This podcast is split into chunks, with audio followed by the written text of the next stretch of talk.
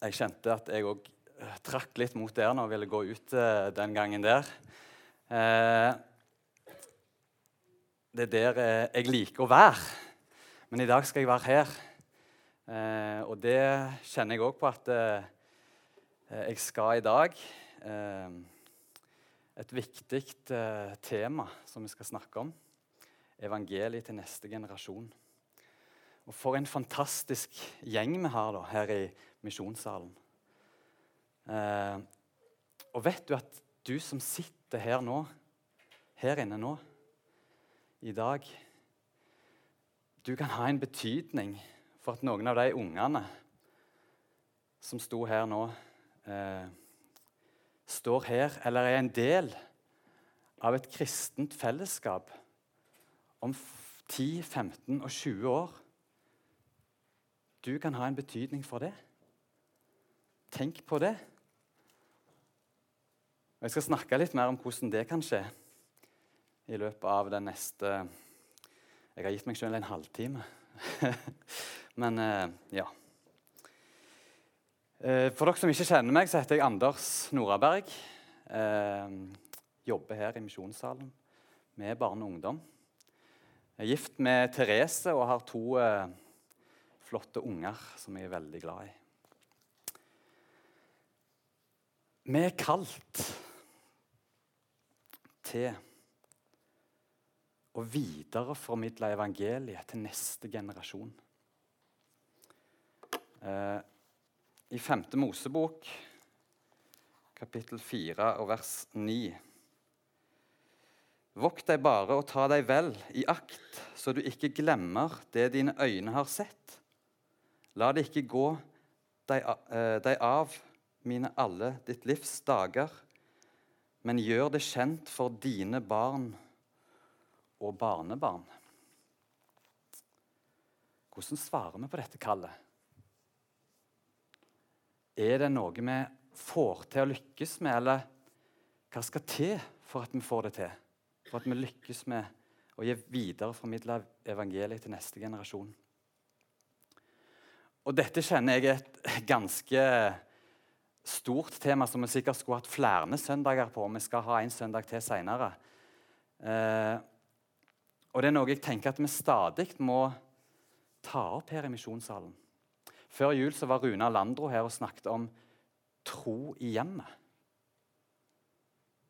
Som nok kanskje, eller det er nok, den viktigste arenaen vi har for å videreformidle evangeliet. Fordi vi bruker masse tid der sammen med unger og ungdommen. Så Hvis du ikke var her den søndagen, så anbefaler jeg å høre den. Eh, den ligger som podkast på, på hjemmesidene våre. Eh, og var du her, så skader det ikke å høre den en gang til, for det er et viktig tema. Eh, og det er ikke bare for dere som er foreldre. Det kan vi fort tenke. Tro hjemme. Ja, vi har ikke unger her nå. Men alle eh, har en heim. Og alle kan bli involvert i barn og unge sitt liv. Eh, så jeg anbefaler den å høre den. Eh, jeg kom til å glemme å trykke på denne her. Skjønner jeg ikke. Men det er tru i hjemme. Eh, men jeg skal i dag prøve å si litt om hva vi som forsamling kan gjøre for å videreformidle evangeliet til neste generasjon. Kan vi av og til kjenne oss litt igjen i situasjonen som disiplene var i? Uh, og det de gjorde når folk kom til Jesus med ungene sine. De kom mange med ungene sine for at Jesus skulle velsigne deres unger. Jeg tror disiplene tenkte at nå driver Jesus og underviser om, om viktige ting her, så nå må ikke eh, de bli forstyrrende. Så jeg tror de hadde på en måte en litt sånn god hensikt at det, vi holde dem vekke, for Jesus driver med viktige ting. Men måten Jesus reagerer på For Jesus blir sint på disiplene når de prøver å jage dem vekk. Og Det viser oss noe om hvor viktig den neste generasjonen er. For det Jesus sier, til disiplene der. Og som vi hørte her i stad òg. La de små barna komme til meg, og hindre dem ikke, for Guds rike tilhører slike som dem. Sannelig, jeg sier dere, den som ikke tar imot Guds rike slik som et lite barn, skal ikke komme inn i det. Så hva skal til for at vi lykkes med dette? Tenk om jeg satt på fasiten nå for det. Det hadde jo vært helt fantastisk. Men det gjør ikke jeg. Men jeg tror at Bibelen, Guds ord, har fasiten, oppskrifta. Og Det skal vi snart se litt nærmere på. Men først så vil jeg gjøre oss litt bevisst på noen utfordringer som vi står overfor, og hvordan det ser ut for oss i dag.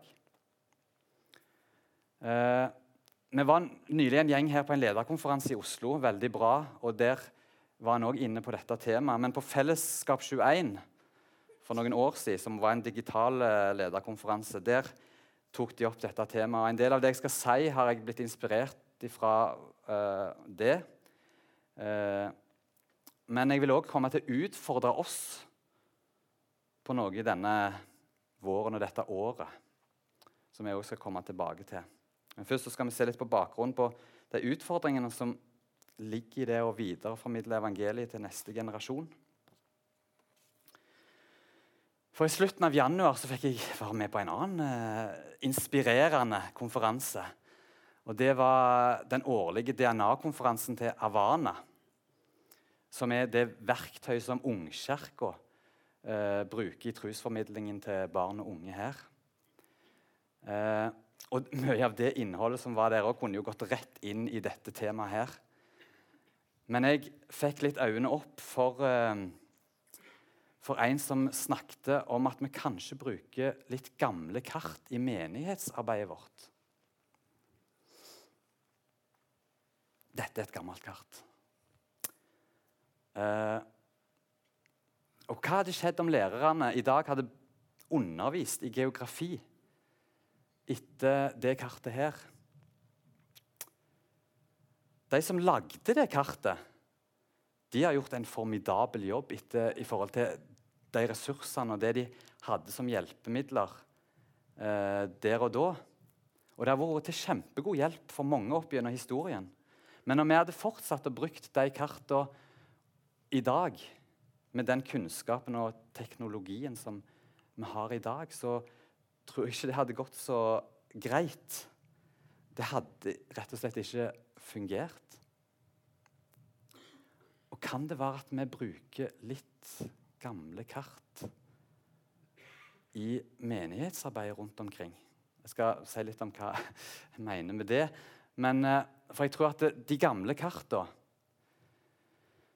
eh, De kan svare på spørsmålet hvordan får vi kirkevekst? Mens de nye kartene det nye kartet kan besvare spørsmålet hvordan får vi ei tru som varer.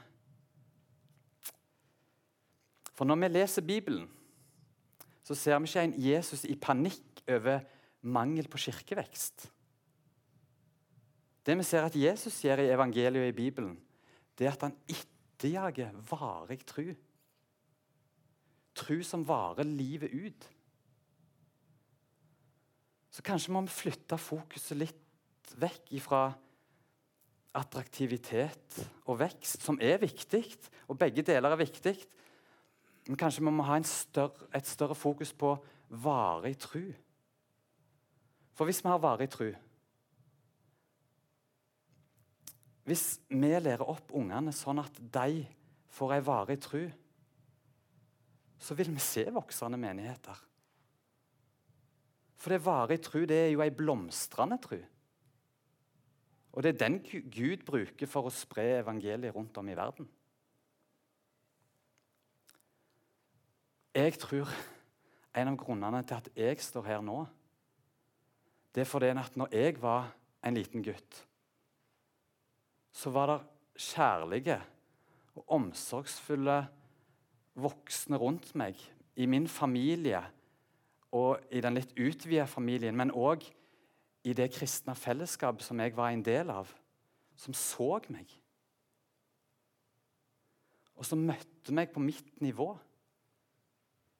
Og De var glad i meg, og de passet på meg, og de, de engasjerte seg i livet mitt.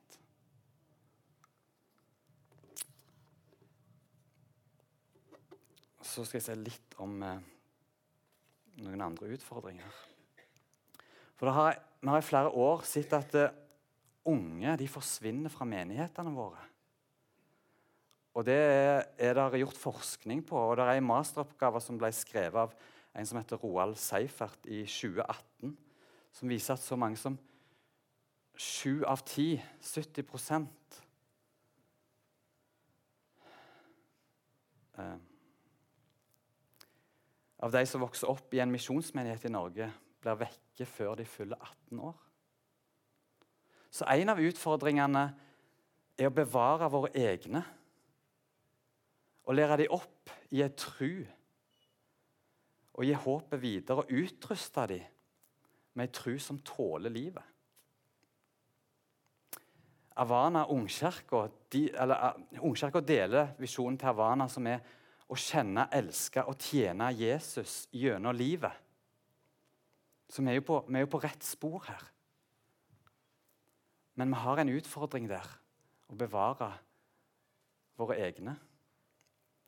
Og En annen undersøkelse den begynner å bli litt gammel, men jeg tror vi fortsatt kan se litt av det samme.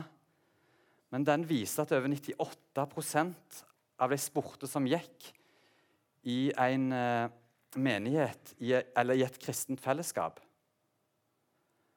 og hadde foreldre som gikk der. Hva sier det oss? De fleste av barn og ungdommen som går her, er våre egne. Det kan kanskje se ut som at vi i litt liten grad når ut til nye mennesker med trua. Og det kjenner jeg at Det smerter meg litt å si det. Jeg syns det er vanskelig å si det. For jeg, jeg vet òg at det, det, er stort sett unge som kommer til tru. Og Barna Group, som har gjort mye forskning på tru og kultur, de anslår at eh, så mange som 64% av de som kom til tru uten å være født inn i en kristen familie, de tar det valget før de fyller 18 år.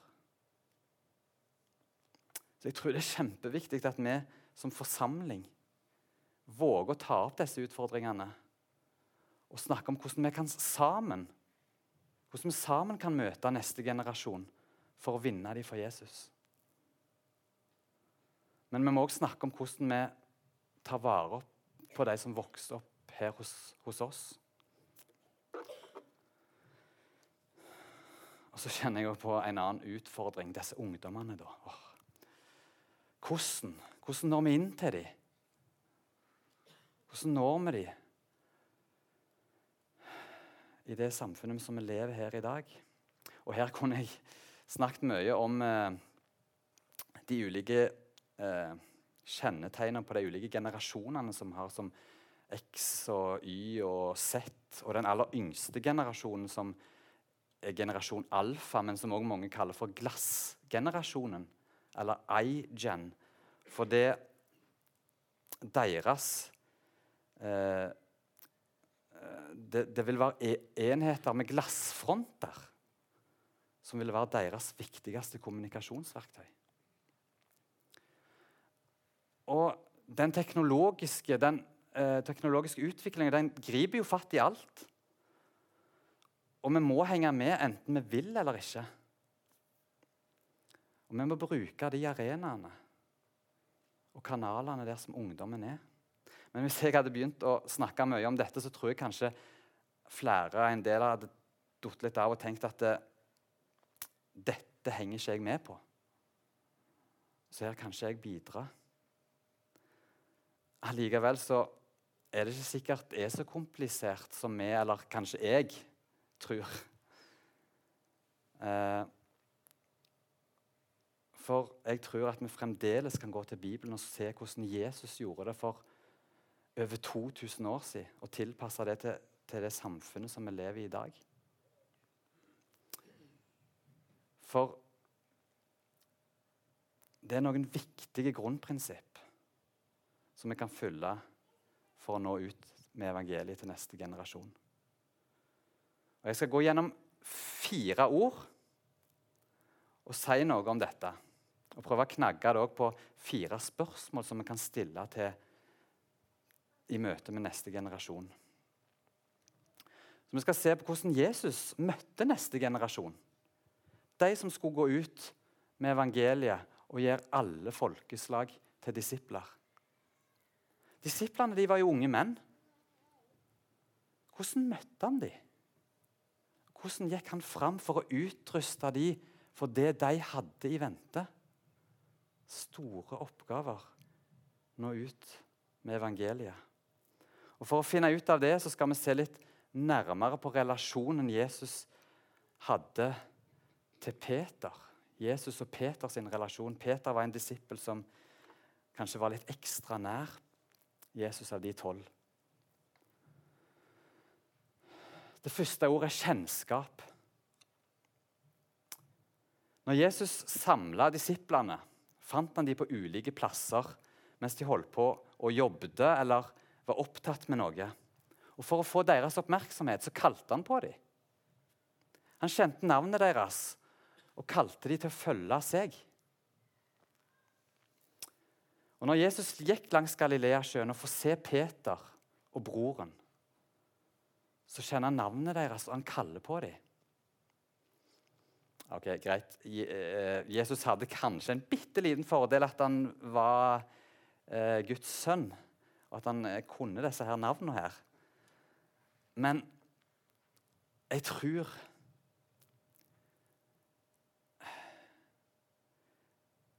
at vi må begynne. Vi må starte på samme måte. Det sies at det er ingenting som lyder vakrere enn lyden av ens eget navn. Og Jeg tror kanskje vi alle har erfart det på en, måte, på en eller annen måte. Vi føler oss sitt når noen vet hva vi heter. Og det gjør noe med relasjonen vår. Og motsatt. Hvis vi er rundt en person som aldri bruker navnet mitt, og aldri lærer navnet mitt, så gjør det noe med relasjonen vår for tilhørigheten. Tenk om alle barn og unge her i misjonssalen visste at det fantes minst én voksen som ikke var deres foreldre, men en voksen som visste hva de hette. Og som stoppet opp og tok kontakt. I Ungkirka har vi et stort fokus på å se at ungene skal bli sett når de er der. At de skal føle seg sitt. Men det kan være ganske utfordrende når det er 30 unger på ei gruppe og kanskje to til tre ledere. Ofte er det bare én leder på ei gruppe. Drømmen hadde jo vært om det var seks ledere som kunne se og gi sin oppmerksomhet til fem unger hver. Tingen er at Vi, vi kan ikke bare tenke at Ungkirka de tar ungene seg av. Det er de som eh, har denne trosformidlingen til ungene.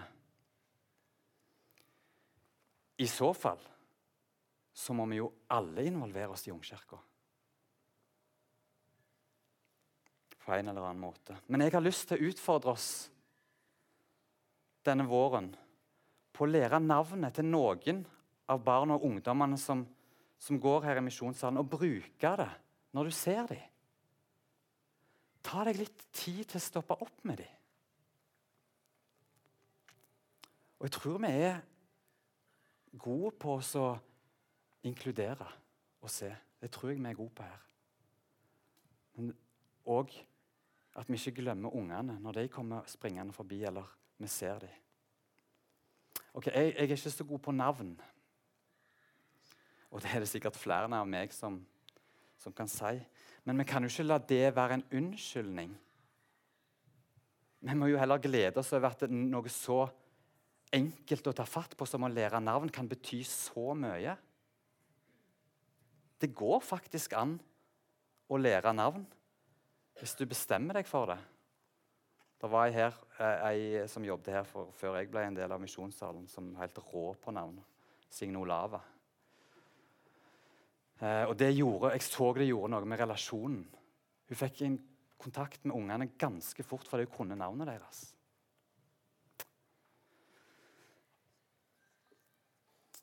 Eh, det neste ordet hverdag. For En annen ting som vi skal legge merke til i relasjonen mellom eh, Jesus og Peter, det er at Jesus blir en del av Peters hverdagsliv. Jesus møter han eh, med fiskebåten. Han òg med ut i båten. Og En plass så leser vi at eh, Jesus er hjemme hos Peter fordi svigermora er syk. Og han helbreder svigermora. Vi ser at det som var viktig for Peter, var også viktig for Jesus. Jesus kjente hverdagen hans. Ehm, jeg tror at barn sånn. Jeg tror at barn og unge av og til spør seg om det er noen voksne eller eldre i forsamlingen som vet hvor de kommer fra, og hva som betyr noe for dem. Som vet noe mer om, en, om dem enn bare navnet deres. Hva de heter, eller hvor de bor. Eller hvordan de ser ut.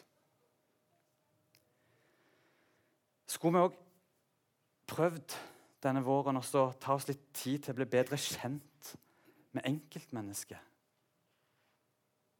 Ikke bare at vi tror vi kjenner dem ut fra navn og hvor de bor, og etternavn og alt, alt det der. Men at vi blir litt bedre kjent med deres hverdag. Hva er det Andreas er opptatt av? Hva er det Levi liker å gjøre på? Hvordan, hvordan, gikk det egentlig på den fotballkampen som du spilte sist torsdag? Eller hva er det, det der, det der TikTok-greiene som dere holder på med? Hvordan er det det der fungerer egentlig? Engasjer oss litt i deres hverdag. Tredje ordet er nåde.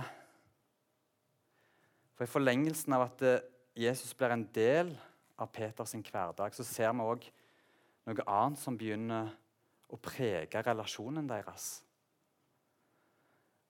Hvis vi leser om Peter, så ser vi at Peter er nok en disippel som har mye eh, energi i seg. Han er høyt og lågt.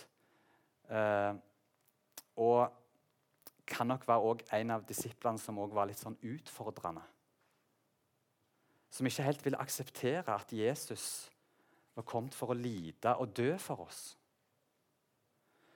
Og han når sitt absolutt laveste punkt i livet når han svikter Jesus når han trenger det som mest. Og jeg tror han er helt knust, og skammen er helt totalt talførst. Men når Jesus møter Peter igjen på stranda etter oppstandelsen, så er det ikke den følelsen Peter sitter igjen med. Han får snakke ut om det han har gjort, og den han har gjort vondt mot. Og så får han begynne igjen med blanke ark. Det samme vil barn og unge i vår forsamling trenge. Lyttende ører og åpne armer når livet ikke ble helt som de hadde tenkt. Og det er det kanskje enkelt å nikke samtykkende til. Men hvordan reagerer vi egentlig når noen trør feil? Jeg kjenner lett sjøl med ungene at eh, en reagerer ikke helt som en burde. Ofte kan en møte dem med resignasjon eller en stillhet. Den er vond.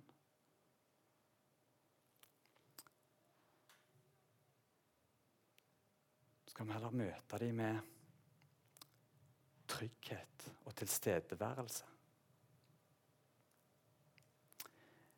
For er det lov å være en disippel, sånn som ordet disippel betyr? Er det lov til å være underveis? Nåde. Det siste ordet er tillit. For Peter han fikk ikke bare syndene sine tilgitt den dagen på stranda. Men han møtte òg fornya tillit. For hva var det Jesus sa til ham? Vær gjeter for sauene mine. For Jesus hadde lenge sett noe i Peter. Og Peter sitt feiltrinn forandrer ikke på det.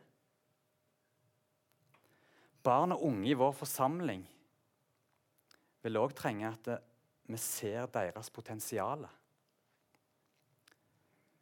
For at de skal vokse opp og finne sin plass blant oss. For tilhørighet det handler om å få slippe til. Og kjenne på at her trengs jeg. Og I praksis kan det handle om noe så enkelt om at noen får nøkkelkort og får låse opp bygningen. Eller at uh, noen får være med og styre lyden bak der. Og det er der. Vi har Vi slipper de til. Vi slipper de òg til på scenen her. De får være møteledere. Men det er viktig at vi gjør det. Holde mikrofonen i, i koret når barnekoret står her og synger. Eh, være med som møteleder. Få lov til å prøve trommesettet her når det står her. At vi slipper de til. Men mest av alt så handler det om at de blir heia på. At noen du kjenner i forsamlingen, ser deg, eller ser de, og oppmuntrer de til å leve det ut.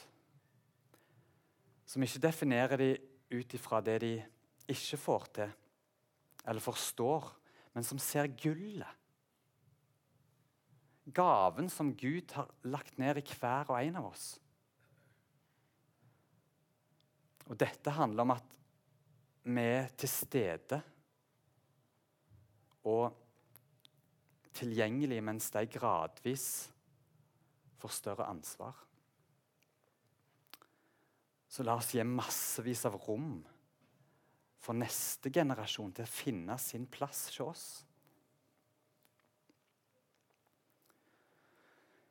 Vi har nå vært innom fire sentrale moment som kan oppsummeres i ordet kjennskap, hverdag, nåde og tillit. Eller i spørsmåla Vet du hva jeg heter? Vet du hvem jeg er, og hva som betyr noe for meg? Vet du hva jeg har gjort? Og vet du hva jeg kan få til? Sitt fra de unge sitt perspektiv. Når vi blir bevisst på at dette er spørsmål som unge spør seg i møte med kristne fellesskap, kan det jo bli lett å bli litt sånn overvelda. Hvordan i verden all verden skal vi klare å nå over alle? Og Kanskje klarer vi ikke det. Og i alle fall så klarer ingen det alene. Ingen skal kunne svare på disse spørsmålene på vegne av alle barn og unge her. Men klarer vi å skape en kultur der alle blir sett av noen? En kultur preget av nettopp kjennskap, hverdag, nåde og tillit. Det er ingen som kan være alt for alle, men vi kan alle bry oss om en mindre gruppe. Hva hvis vi tenkte at jeg har tolv stykk som jeg kjenner med navn, og som jeg jevnlig prøver å se? Enten i forsamlingen, Det trenger ikke bare å være her i forsamlingen, men kanskje vi har noen naboer der vi bor, eller kanskje vi er involvert i fotball som trener eller speider. Men at vi har noen som vi jevnlig prøver å se. Tolv stykk som jeg ber for, og som jeg kjenner. Over tid så kommer vi kanskje litt nærmere noen av dem. Kanskje gjennom en naturlig kjemi, eller at Gud legger oss noen av dem litt ekstra på hjertet. Mennesker som vi kan følge litt ekstra. Invitere på besøk. Og bruke jevnlig tid sammen med. Og Kanskje blir en av de noen jeg kan tenke at jeg er tilgjengelig for. Som jeg kan oppmuntre og utruste og kan fylle noen år av livet. Kanskje til og med så utvikler det seg til et livslangt vennskap. Syns dere det høres veldig likt ut, det Jesus gjorde når han kalte tolv unge menn til å være sine disipler? Mennesker som han ble godt kjent med og delte hverdag med og viste nåde og tillit. Og som fikk lære med å være mye rundt ham. Jeg sa i starten at så mange som sju av ti forsvinner fra det kristne fellesskapet før de fyller 18. Hvis vi kjenner disse med navn og kjenner deres historie, da vil vi jo merke om de forsvinner ut. Hvor mye bedre rusta vil vi ikke da være for å ta opp igjen kontakten? Eller huske på det i bønn? Og Kanskje vi òg har klart å skape et fellesskap som de vil lengte tilbake til. Vi har også sett at uh, forsamlingene våre i stor grad består av mennesker som har vokst opp i et kristent fellesskap. Men hva vil skje hvis vi øvde oss på å bruke tid med enkeltmennesket? Hva hvis det òg i møte med de som ikke tror, handler om kjennskap, hverdag, nåde og tillit? Hva hvis det er dette som avgjør om nysgjerrigheten deres vekkes? Om de tør å stille de spørsmålene som de har?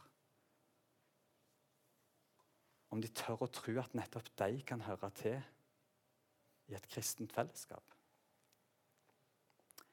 Jeg tror at gode relasjoner er nøkkelen, en av nøklene, til å gi evangeliet videre til neste generasjon. For alt det jeg har snakket om nå, handler til sjuende og sist om å skape gode relasjoner til barn og unge. Men så har vi jo selvfølgelig mer enn et godt fellesskap og tilhørighet vi ønsker å gi videre til neste generasjon. Allikevel så tror jeg at det er her vi må starte. I møte med en ungdomsgenerasjon som blir bombardert med informasjon. For Konsekvensen er at de lytter til den de kjenner. Enten om det er en influenser, venner eller foreldre. Og det er der vi kommer inn, du og jeg. Vi kan bli den de kjenner. Den de spør. Og den de vet at det bryr seg. Og så skal vi ikke være perfekte voksne, men ekte mennesker som barn og unge kan få bli kjent med. som sjøl er fullstendig avhengige av den nåden som vi ønsker å formidle. For på nært hold så er vi jo langt ifra perfekte forbilder. Men vi kjenner den perfekte og kan vise vei til ham gjennom gode relasjoner. Og Derfor sa jeg i begynnelsen at du kan ha betydning for at noen av ungene i menigheten her er en del av et kristent fellesskap om 10, 15, 20 år. Livet ut.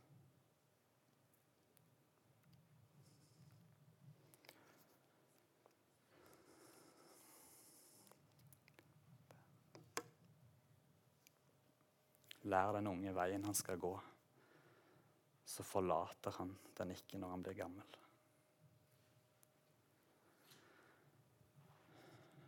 Kjære, gode Gud.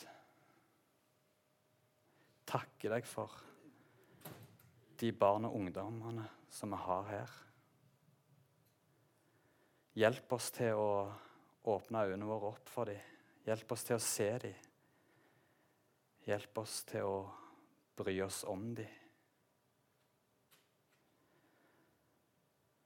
Jeg ber om at eh, misjonssalen kan være en plass der som de kan føle seg trygge, der de kan kjenne at her kan jeg få være meg sjøl, og her kan jeg få bli kjent med deg, Jesus.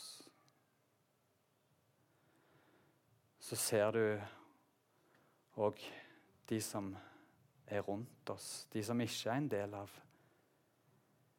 menighetene og et del av et kristent fellesskap. Jeg ber om at du må utruste oss òg til å legge noen av de på hjertene våre, så vi òg kan få invitere de inn.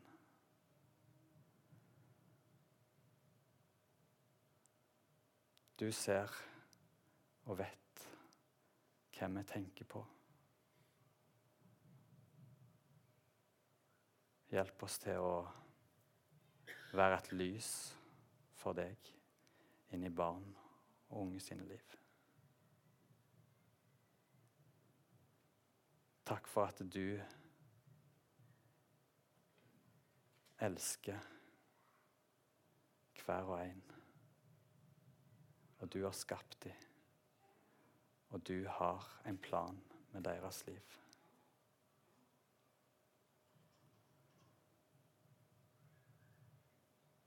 Jeg legger denne søndagen i dine hender. Takk for at du kjenner den, og du vil gå med oss, og du vil velsigne oss gjennom mange, mange generasjoner. Amen.